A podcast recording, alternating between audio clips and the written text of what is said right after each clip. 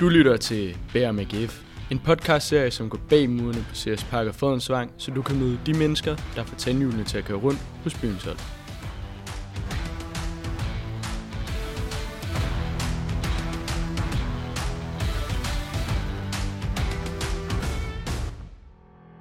I dag er vi taget ind til CS Arena, bygningen lige ved siden af CS Park, hvor administrationen hos AGF har sin daglige gang.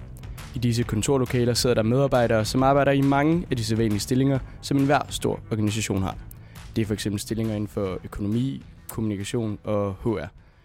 Lige nu der sidder vi i kontorlokale nummer 24, som huserer en helt særlig stilling, som endda var den første af sin slags blandt alle fodboldklubberne i Superligaen.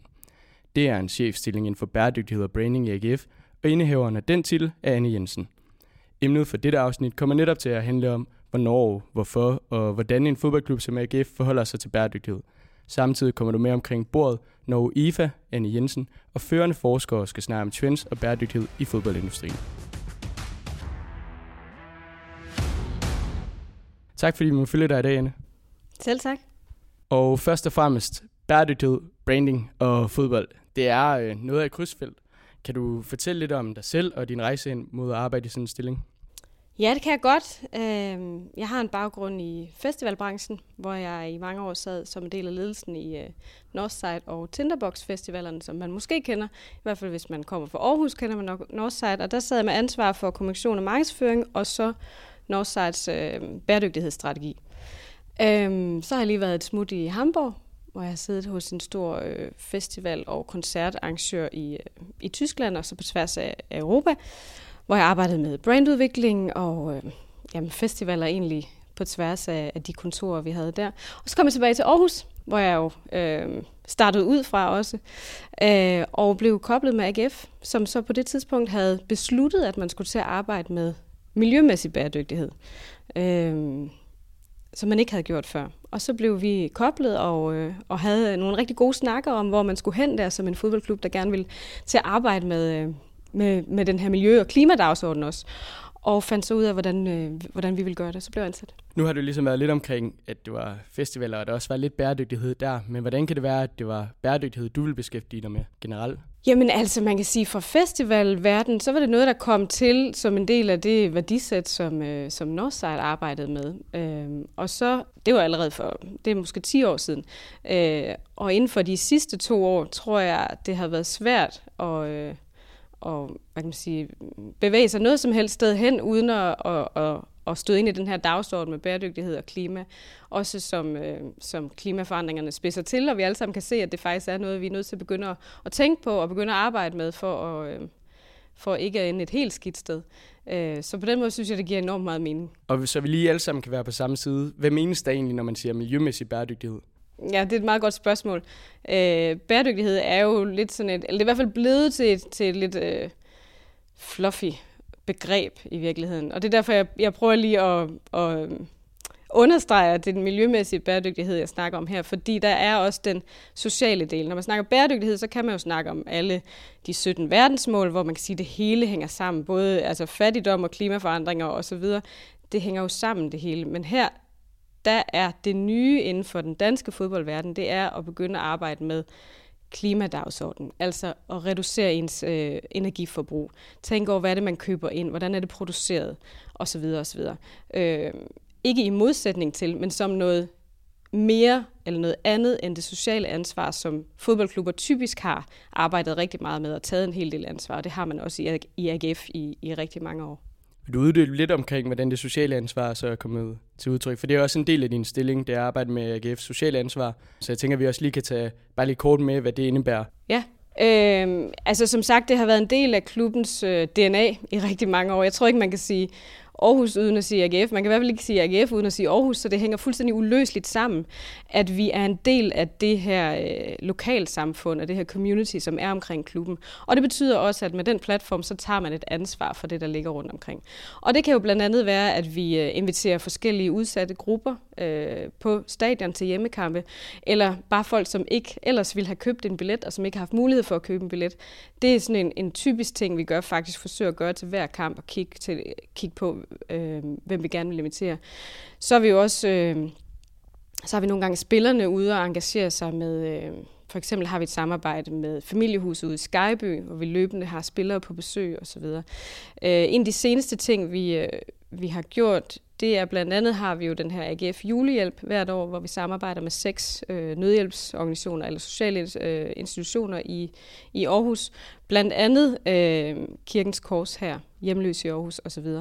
Øh, og til sidste kamp, der iværksatte vi faktisk et samarbejde med Hus Forbi om deres øh, program, der hedder Pant for Pant, hvor de har øh, udsatte, som, som kommer og står for øh, at samle pant ind. Vi har så sådan nogle særlige pantspande, som vi stiller op på et særligt område hernede, og så servicerer de dem, samler pant ind, øh, snakker med folk, som er på vej til kamp, og så får så panten øh, med sig og får de penge. Og på den måde, der ansætter de nogen på et socialt frikort, det vil sige, at de får faktisk nogle udsatte i en, øh, i en arbejde på, på, på det her sociale frikort, og de får også tjent penge ind til det arbejde, de gør med, med udsatte. Så det er nogle af de ting, der er blevet arbejdet på på det sociale område. Og jeg håber ikke, jeg er helt forkert på den, og antager, at der er måske mange af byens fans, der ikke helt ved, hvad dit arbejde indebærer i forhold til den miljømæssige bæredygtighed. For det måske er lidt mere, jeg vil ikke sige flyvsk, men et nyt emne og et nyt område, som blandt andet AGF er begyndt at arbejde meget øh, hæftigt med. Kan du øh, sætte nogle ord på, hvilke opgaver og ting, du har implementeret inden på det område? Ja, altså det er i hvert fald nyt inden for i, hvert fald den danske fodboldverden. Så på den måde tror jeg, du har ret i, at, at det er også lige, man skal finde ud af, hvad er det for noget, det her. Ja. Øh, jeg er også blevet spurgt nogle gange om, hvorfor en fodboldklub vil arbejde med bæredygtighed, og der må man bare sige, hvorfor ikke? Altså, hvorfor skulle vi være, øh, være anderledes stillet i virkeligheden end, øh, end, end alle andre øh, organisationer eller virksomheder? Og så dog, fordi vi er jo anderledes stillet, fordi vi har så stor en platform som, øh, og en stor berøringsflade, som omhandler noget, vi alle sammen er passionerede omkring. Noget, hvor vi har følelser investeret og engagement gennem mange år. Så vi har faktisk en platform, hvor man kan, øh, som man kan bruge til at, at, at påvirke nogen og inspirere nogen i en mere bæredygtig retning. Så det kan man sige, det er en del af udgangspunktet for, hvorfor vi vil gøre det her. Det er, at vi står på, på så central en plads et eller andet sted i Aarhus' kultur. Øhm, og det vi så har gjort, det er blandt andet, at vi har skiftet til grøn strøm. Vi har skiftet spillertrøjen ud til at være lavet af 100% genanvendt materiale, så der ikke går nye råvarer til at lave spillertrøjen. Øh, Øh, vi har indført affaldssortering på stadion. Øh, det lyder jo banalt, men, øh, men i virkeligheden er det en stor praktik omkring det, når man skal pludselig til at indsamle, eller hvad hedder det, sortere i, øh, i fire forskellige fraktioner, som det hedder. Øh, men de svarer til det, man, det vi sælger. Så det er, der er et sted til paphåndtaget og til ølkruset og til det andet. Øh, så det har vi gjort. Så har vi lavet øh, alle mulige tiltag i virkeligheden. For eksempel har vi fået lavet øh, sådan nogle cirkulære sædemøbler til fanzonen, hvilket betyder, at vi har indsamlet øh, vores egen hård plast i samarbejde med Superidræn, en af vores sponsorer, og fået omdannet til 100% genanvendte sidemøbler, som man kan se er lavet af den her plast. Altså de er simpelthen sådan blå og hvid nistrede, så man kan se den, den genanvendte plast. Øh, og på den måde forsøger vi at lave noget, som har øh, miljømæssig betydning. Altså det rent faktisk reducerer vores øh, fodaftryk, klimaaftryk, øh, og så også lave noget, som har en signalmæssig værdi. Altså som når vi laver spillertrøjen om til at være lavet af genanvendt materiale, så er det jo også fordi, at det er den, som folk de køber tit. Altså så vi har en stor mulighed for at fortælle øh, den her historie. Kan du huske lidt omkring, hvad AGF fortalte dig, da de sagde, nu vil vi arbejde med miljømæssig bæredygtighed? Kan du beskrive lidt om de overvejelser, som der var, og hvorfor det var netop nu, de fandt det relevant at arbejde med det her? Ja, altså, øh, jeg vil sige, det, det fandt ret meget sted i en dialog, men den indledende beslutning var en bestyrelsesbeslutning. Øh, at man havde fundet ud af, at man ville til at arbejde med det her på en eller anden måde. Og der tror jeg måske, man lidt havde set skriften på væggen, at det er den her vej, det skal, øh, at forretningslivet også går her i fremtiden. Øh, og der kunne man også begynde at se frem mod et øh, nyt stadion i Aarhus, øh, som jo skal stå færdigt i 2026. Og når man skulle bygge et nyt stadion, så tror jeg, så begyndte man også at, at tænke, jamen så er vi også nødt til at tænke bæredygtighed ind i en eller anden form. Øhm, så jeg tror, det var udgangspunktet. Og så hvordan det sådan mere specifikt skulle finde steder, hvor det skulle placeres i organisationen, hvordan vi ville indarbejde det. Øhm, ikke som en søjle eller en silo ved siden af, men på tværs af organisationen. det var det, vi så fandt frem til i, i fællesskab. Anne, hvordan ser en nogenlunde typisk arbejdsdag ud i din stilling? Ja, jeg ved ikke engang, om man kan snakke om en typisk hverdag, fordi øh, der, der kan ske mange forskellige ting. Altså, den ene dag kan jeg være ude og holde oplæg om det, vi gør. Jeg var på en del af fodboldens kongres øh, her for nylig, øh, og i dag skal jeg jo deltage i en international øh, konference online. Men andre dage kan det være, at jeg er ude og snakke med... Øh, nødhjælpsorganisationer eller sponsorer, og hvis det er omkring kamp, så kan det være, at jeg går og kigger ned i affaldsspandene for at se, om der bliver affaldssorteret, eller øh, der kan også være et sponsorarrangement, jeg kan være en del af. Og ellers så er det jo i, i høj grad et kontorjob, hvor, øh, hvor der er en masse research, der er en masse udvikling, der er en masse strategiarbejde. Når du så træffer de her beslutninger om, at der skal laves nogle forskellige tiltag, øhm, er bestyrelsen så også med ind over det, eller er man ude og spørge nogle fans? Hvor får man råd fra? Fordi det er jo en, som sagt en stilling, som er ret unik, den du sidder i. Så hvordan øh, bliver de her beslutninger truffet omkring, hvor vi skal gribe ind, og kan man måle, om det har en effekt, når det så også bliver lavet? Ja, altså det bliver... Det kommer jo langt omkring, vil jeg sige. Øh, det er ikke bare noget, der foregår i mit hoved. Øh, selvom det måske starter der i udgangspunktet. Øh, vi har samlet det hele nu i en ansvarlighedsstrategi, som øh, bestyrelsen øh, er med ind over, og kommer til at, og, hvad kan man sige, genbesøge jævnligt. Øh, så, så den er ligesom signet af der. Ellers er det i samarbejde med Jakob Nielsen, øh, min chef, og ellers så har jeg jo en masse gode kolleger, jeg også får input fra efterhånden. Altså, øh, jeg tror også, det der med, når, når organisationen begynder at, at tænke selv, forstå mig ret, altså at komme med input på, hey, hvad gør vi egentlig på det her område? Jeg står med de her materialer, hvad kan man bruge dem til? Så er det, at vi begynder at kunne rykke noget, så det ikke kun bliver envejs fra min stol. Øh, og den anden ting er så, at vi også inddrager fans øh, og sponsorer i øvrigt.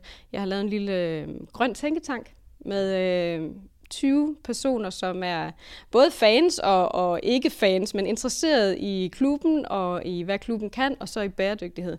Øh, og dem bruger jeg som sådan sparringspartner og prøver nogle ting af på, hvor de kommer en lille smule ind bag, og i virkeligheden også kan komme med noget kritisk, så man kan sige, okay, men hvad, hvad gør vi egentlig med det her, og er det øh, den rette vej at gå? Og så har jeg det her lille board af nogle af de større sponsorer, et sustainability board, øh, som jeg sparer med sådan en tre gange om året, hvor de kommer med input til, hvor, hvor er de hen. Som store virksomheder, så er de jo typisk øh, ret langt, eller man kan sige, de er i hvert fald alle sammen øh, vidende om det, øh, og ved også, at der bliver stillet nogle krav til dem. Og så er det sådan noget med at prøve at se, hvornår, øh, hvornår ser vi, at de her krav og forventninger kunne komme i spil også, ikke? og hvad ville øh, have interesse for dem som sponsorer, at vi rykkede på. Og hvis vi rykker tilbage lidt til de her fans, der også giver deres bidrag, hvad får fans ud af, at øh, deres øh, elskede klub arbejder med bæredygtighed? Er der nogle goder ved det, som de kan mærke, når de enten tager på stadion eller læser om klubben i, øh, i nyhederne osv.? De får det ud af det, at de er en del af en ansvarlig fodboldklub. Og det tror jeg faktisk ikke er så lidt. Øh, altså, der er en kæmpe stolthed i at være en del af fankulturen omkring klubben. Øh, den er meget tydelig at mærke, også for sådan en som mig, som jo kommer udefra i virkeligheden. Øh, og, og der tror jeg, at det, øh, det betyder enormt meget, at man, øh, at man tager ansvar, at man øh, står på mål for noget og tager stilling til noget. Og det tror jeg godt, de kan se sig i. Nu er der jo også en masse åbenlyse øh, goder, miljømæssige goder i hvert fald, i forhold til at gå ind i det her. Men er der nogle andre goder, som AGF få ud af at arbejde med miljømæssig bæredygtighed? Kan man se det andre steder i organisationen, at vi arbejder med det her, og det er egentlig positivt på de her, de her, de her parametre? Det er jo en langsigtet strategi. Øh, det er det for så vidt også. Altså det er hele vores ansvarsarbejde. Øh, men hvor man kan sige, at den miljømæssige bæredygtighed i forhold til den sociale, kan nogle gange have øh, en, en horisont, der syner længere i hvert fald. Øh, nogle gange så skal man jo investere i formodning om, at det er altså her, vi skal hen som forretning, for at øh, have en øh, levedygtighed eller en license to operate i virkeligheden øh, i, i de kommende år. Øh, så kan man sige sådan rent øh, økonomisk, så kan der være noget i forhold til, at man udnytter sine materialer bedre. Hvis man begynder at kunne bruge affaldsressourcer til nogle nye ressourcer, der kan lave nye produkter, øh, og på den måde så er der en, en vis økonomisk gevinst ved det. der kan også være noget i forhold til øh, lovkrav, som vi kommer til at se øh, flere og flere af på det her område.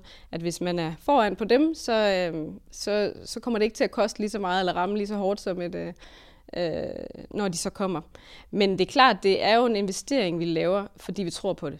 Altså det er jo selvfølgelig en investering og så videre, men nu er du også chef inden for branding. Og hvis vi lige kigger på, at der lige har været en koring fra øh, non-profit-organisationen Responsibal fra Schweiz, hvor de har rangeret fodboldklubber ud fra forskellige parametre, men her blandt klimaet. Kan du forklare lidt mere omkring den her koring, og med branding på, fortæl, hvad det betyder for AGF, øh, den placering, de har fået, og hvad man kan bruge det til rent konkret, at man kommer med i sådan en koring der? Ja, det kan jeg godt. Rent konkret, altså man kan sige, at en rangliste er en rangliste. Øh, og vi er i gang med de ting, som de, som de måler på. Og de måler lige præcis på det, man kalder ESG, øh, altså Environmental, Social og Governance, som er ledelses... Øh, aspektet. Øh, klassisk mål, målingsmetode for større virksomheder. Øh, og inden for environmental, altså klimadelen, der er, det, øh, der er vi så fået førstepladsen i Danmark, og jeg tror, vi ligger på en ja, det kan jeg faktisk ikke huske, om det er en syvende plads på tværs af, eller var det en tiende plads på tværs af, af alle dem, de har mål på. Øh, så det er vi jo super glade for. Så på den måde giver det noget øh, motivation, noget blod på tanden. Øh, man giver jo også, at andre opdager det. Altså, at det bliver en del af vores brand. Og vores brand bruger vi jo til at, at øh, styrke forretningen på i virkeligheden. Øh, så, så hvis man kan øh, bruge det aktivt, øh, positivt, at man får en, en ranking, så, er det en del af, så kan det blive en del af en brandingstrategi eller en kommunikationsstrategi. Apropos det med, med, med branding og den her kåring, hvor der har været mange forskellige fodboldklubber med, øhm, så sker der jo også meget omkring øhm, bæredygtighed, miljømæssig bæredygtighed i fodboldindustrien. For eksempel er der en klimatabel for Premier League-klubber, og i efteråret 2020, der var der en fodboldkamp mellem Tottenham FC og øh, Chelsea FC, som egentlig var klimaneutral, og det var Tottenham og tv-netværket Sky Sports, der var gået sammen om at lave det her arrangement og det var den første klimaneutrale fodboldkamp på elite-niveau, der nogensinde var blevet afholdt. Hvor langt er AGF som, som kluborganisation for at nå de højder inden for bæredygtighed? Jeg tror, vi er, øh, altså, vi er relativt langt, men vi har langt at gå endnu. Øh, og, og med det sagt, så er det også en, øh, en, en kontinuerlig rejse. Altså vi tager nogle skridt, og så bliver vi klogere på, hvad de næste rigtige skridt er, og så tager vi dem. Så vi går egentlig til det på en ret øh, ydmyg måde. Øh, og så er det klart, når man så måler sig op mod Premier League-klubber, så, øh, så kan det være svært at være med, ikke? for der ligger også øh, temmelig mange penge bag dem. Øh, men det er rigtigt, og det synes jeg er interessant, for når der sker noget internationalt, så ved vi jo godt, at så kommer det typisk til Danmark måske et par år efter. Og der kan vi bare se, at i Premier League, og i Bundesligaen faktisk også, og jeg tror også, at de er kommet til La Liga nu, der er man begyndt faktisk at ranke klubberne på baggrund af deres øh, bæredygtighedstiltag. Øh, og klubberne går selv op i det. Og det er jo næsten endnu mere interessant, at de faktisk øh, har den her konkurrencementalitet også på det her område, fordi lige pludselig så kan der ske rigtig, rigtig meget der. Øh, og jeg, kan, jeg tror, at Tottenham de delte øh, førstepladsen i sidste tabel med Liverpool, tror jeg nok. Ja, det sådan husker jeg det også. Er det ikke rigtigt? Ja. Øh, så de er jo ret langt, og man kan sige, at de har også haft den mulighed for at bygge deres nye, flotte stadion øh, på en måde, hvor det kunne drives mere bæredygtigt, og i hvert fald med bæredygtighed og miljø for øje det samme, som vi øh, kommer til at gøre med det nykommende stadion i Aarhus. Og du nævnte i forhold til, at de har noget økonomi, for eksempel, og det er også det, der ligesom gør, at Premier League-klubberne kan være så øh, ja, gode inden for den her miljømæssige bæredygtighed og score ret højt også på koringerne. Det er nok ikke en fejl at sige, at vi ikke har samme økonomi i AGF. Er der et, et samspil der? Hvor meget økonomi skal man lægge bag det her projekt med, med bæredygtighed? Er der et, et spil, hvor det clasher nogle gange, hvor man ikke kan investere lige så meget i bæredygtighed for at udvikle mere? Det er svært at sige. Altså, der er jo klart en økonomi i det, og man kan sige, øh, først og fremmest har man investeret i mig øh, og ansat en fuldtidsmedarbejder til at, øh, til at stå for det her område. Så det er jo i hvert fald en start. Øh, og så kan man sige, når man så begynder at vælge mere bæredygtige produkter i fanshoppen, eller i alt vores indkøb i virkeligheden. Så, så er der på nogle områder en øh, økonomisk forskel. Øh, det er simpelthen dyrere på nogle områder stadigvæk. Men det, der sker, det er jo flere, der efterspørger de her produkter, desto billigere, billigere vil det blive med tiden. Det er den langsigtede strategi. Ikke? Og nogen skal jo øh, gå forrest. Det er ikke, fordi vi skal gå forrest på alle områder, men vi er jo heller ikke en klub, som har lyst til at sætte os bag i bussen og vente på, at andre gør arbejdet for os. Så på den måde øh, tror jeg egentlig på det her med at tage ansvar og sige, at det, det er der, vi skal hen. Så skal vi få at hjælpe leverandører og, og, og andre til at sige, at det, det er der, vi skal hen. Det kan godt være, at vi ikke skal det i morgen, men næste år, så kan det være, at, øh, at vi er der, hvor vi kan få det her produkt, som er mere bæredygtigt. Og jeg ved, at den, øh, den der langsigtede strategi, den er ikke trykket ud af luften, og vi har faktisk også forpligtet os til den EU-aftale, som hedder Sports for Climate Action Framework, øh, som er en, øh, en aftale, EU har lavet med mange forskellige sportsorganisationer og virksomheder. Her blandt nogle ret store spillere, som den internationale olympiske komité og FIFA, altså det internationale fodboldforbund. Hvordan kan det være, at øh, AGF forpligter sig internationalt også på at, at føre den her langsigtede strategi og blive bedre inden for miljømæssig bæredygtighed? Jamen, det er, det er en FN-program, øh, øh ja. Øh, så den er global. Øh, jamen, det gør vi, fordi det, de principper, som ligger i det her program, Sports for Climate Action Framework, øh, de flugter med, øh, med de ambitioner, vi selv har. Så der er nogle principper, øh, som primært fordeler sig på to øh, spor, som er, at man skal forpligte sig på strategisk og øh, arbejde for at reducere sine egne udledninger altså sine CO2-udledninger.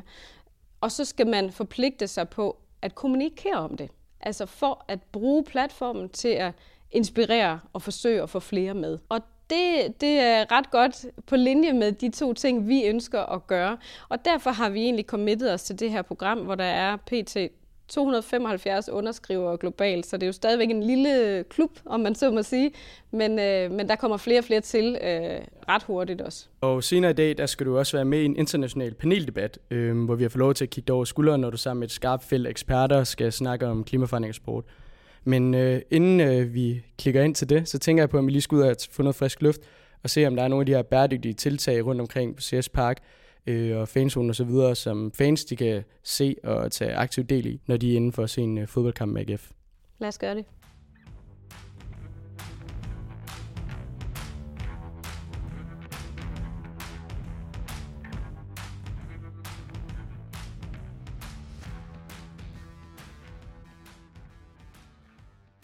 Vi er nu gået ud fra kontorbygningen og står ved indgangen til stadion, hvor Anne hun er ved at låse op.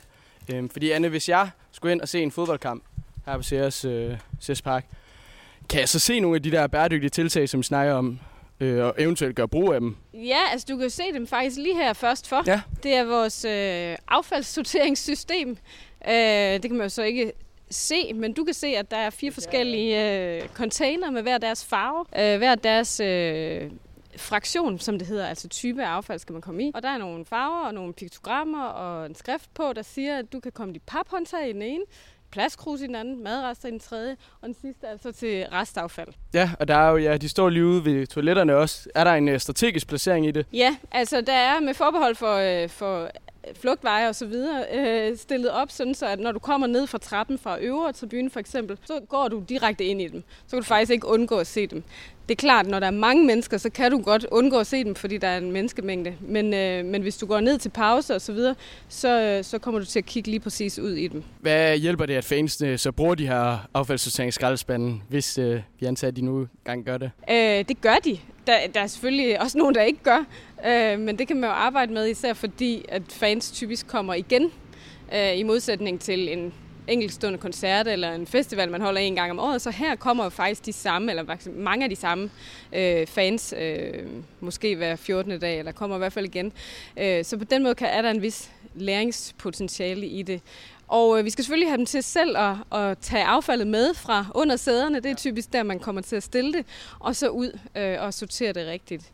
Øh, skulle man glemme det, så er øh, sweeperholdet, som kommer efterfølgende, altså når kampen er slut, så affaldssorterer de faktisk også. Okay, spændende.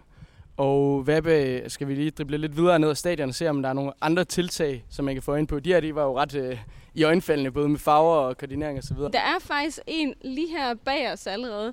Nu er den så øh, lukket, fordi der ikke er kamp lige nu. Men det er vores økobar, ja. øh, som vi har lavet sammen med øh, Sears, Royal Unibrew. Øh, altså det er en lukket container, så lige nu ser den ikke så imødekommende ud.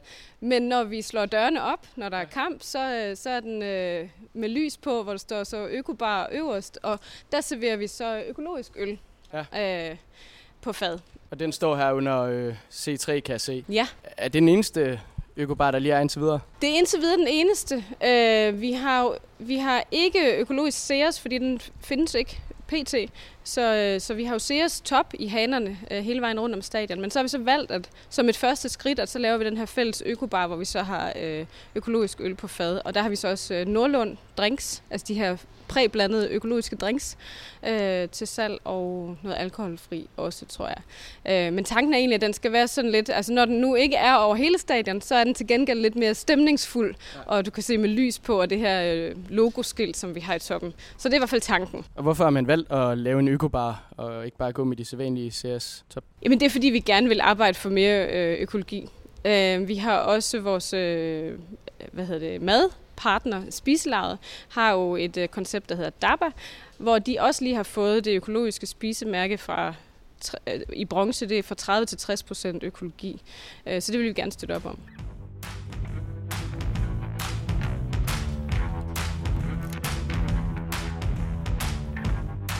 Nu er vi jo tilbage i varmen herinde ved kontorlokale 24 på CS Arena, og det er jo fordi, du skal deltage i en international konference, Anne. Kan du øh, fortælle om, hvad det er for noget? Ja, den hedder New Trends in Football, øh, og den er, en, øh, den er lavet af en organisation, som hedder Football 360. Øh, og det er et panel, jeg skal deltage i sammen med øh, blandt andet Green Sports Alliance og nogle fra Life Tackle, som er sådan et stort øh, forskningsprojekt inden for sport og øh, miljøbæredygtighed. Øh, og jeg blev inviteret med til at være en del af det her panel, hvor vi skal diskutere øh, handlinger og motivationer frem mod at arbejde med mere bæredygtighed inden for fodbold. Så altså konkrete actions og eksempler på, hvad man kan gøre som fodboldklub. Og det lyder til at være et ret øh, fornemt selskab, du skal være en del af. Hvordan kan det være, at de netop udpegede dig øh, og AGF til at være med i sådan en paneldebat? Jamen, altså det er jo svært at sige, men jeg tror, øh, der de har opdaget noget af det, vi har gjort. Vi har jo også øh, gjort en stor øh, indsats for at kommunikere om, hvad det er, vi gør, og også at kommunikere om vores tilgang til det, som er at handle, og simpelthen sørge for, at der sker noget, at man ændrer noget, og ikke bare taler om det. Og hvad får AGF ud af at bruge tid på, at du kan deltage i en international konference omkring bæredygtighed? Dels så er det jo en del af, at vi gerne vil vide en del. Altså at vi også forpligter os på at kommunikere om det her og forsøge at få flere med. Dels så er der jo nogle gange mulighed for at lære noget, når man blander sig i et selskab, hvor der er andre, som arbejder med det, også internationalt. Og dels så, øh, så er det jo også en del af det, vi gerne vil fortælle. Altså at vi blander os i forhold til øh, at gå foran her. First up, we have Anne Jensen, who's the Brand Strategy, Marketing and Sustainability Lead at AGF Football in Denmark. So let's get into it. Key question is embedding environmental sustainability in football, motives and ways to go green. Let's start off with the motives before we find out the how. So, Anne, and let's kick off with you. Why is AGF Football making environmental sustainability a priority? What is the motivation for the club? Thank you, Matthew, and thank you for, for having me here. Uh, well, the motivation lies in, I think, our DNA. I think it's uh, embedded into the club to take responsibility, and I think we've been working a lot with uh, social responsibility through the years, and now since two years, we've been working with environmental uh, responsibility as well. Du lyttede til et afsnit i podcastserien Bær med AGF. Afsnittet var produceret af AGF og tilrettelagt af Rasmus Lykke Terkelsen, Christian Ruthausen og mig, Lukas Spelleby. Husk på, at du kan høre alle de andre afsnit i serien, hvis du scroller igennem AGF's lydkatalog på din foretrukne podcasttjeneste.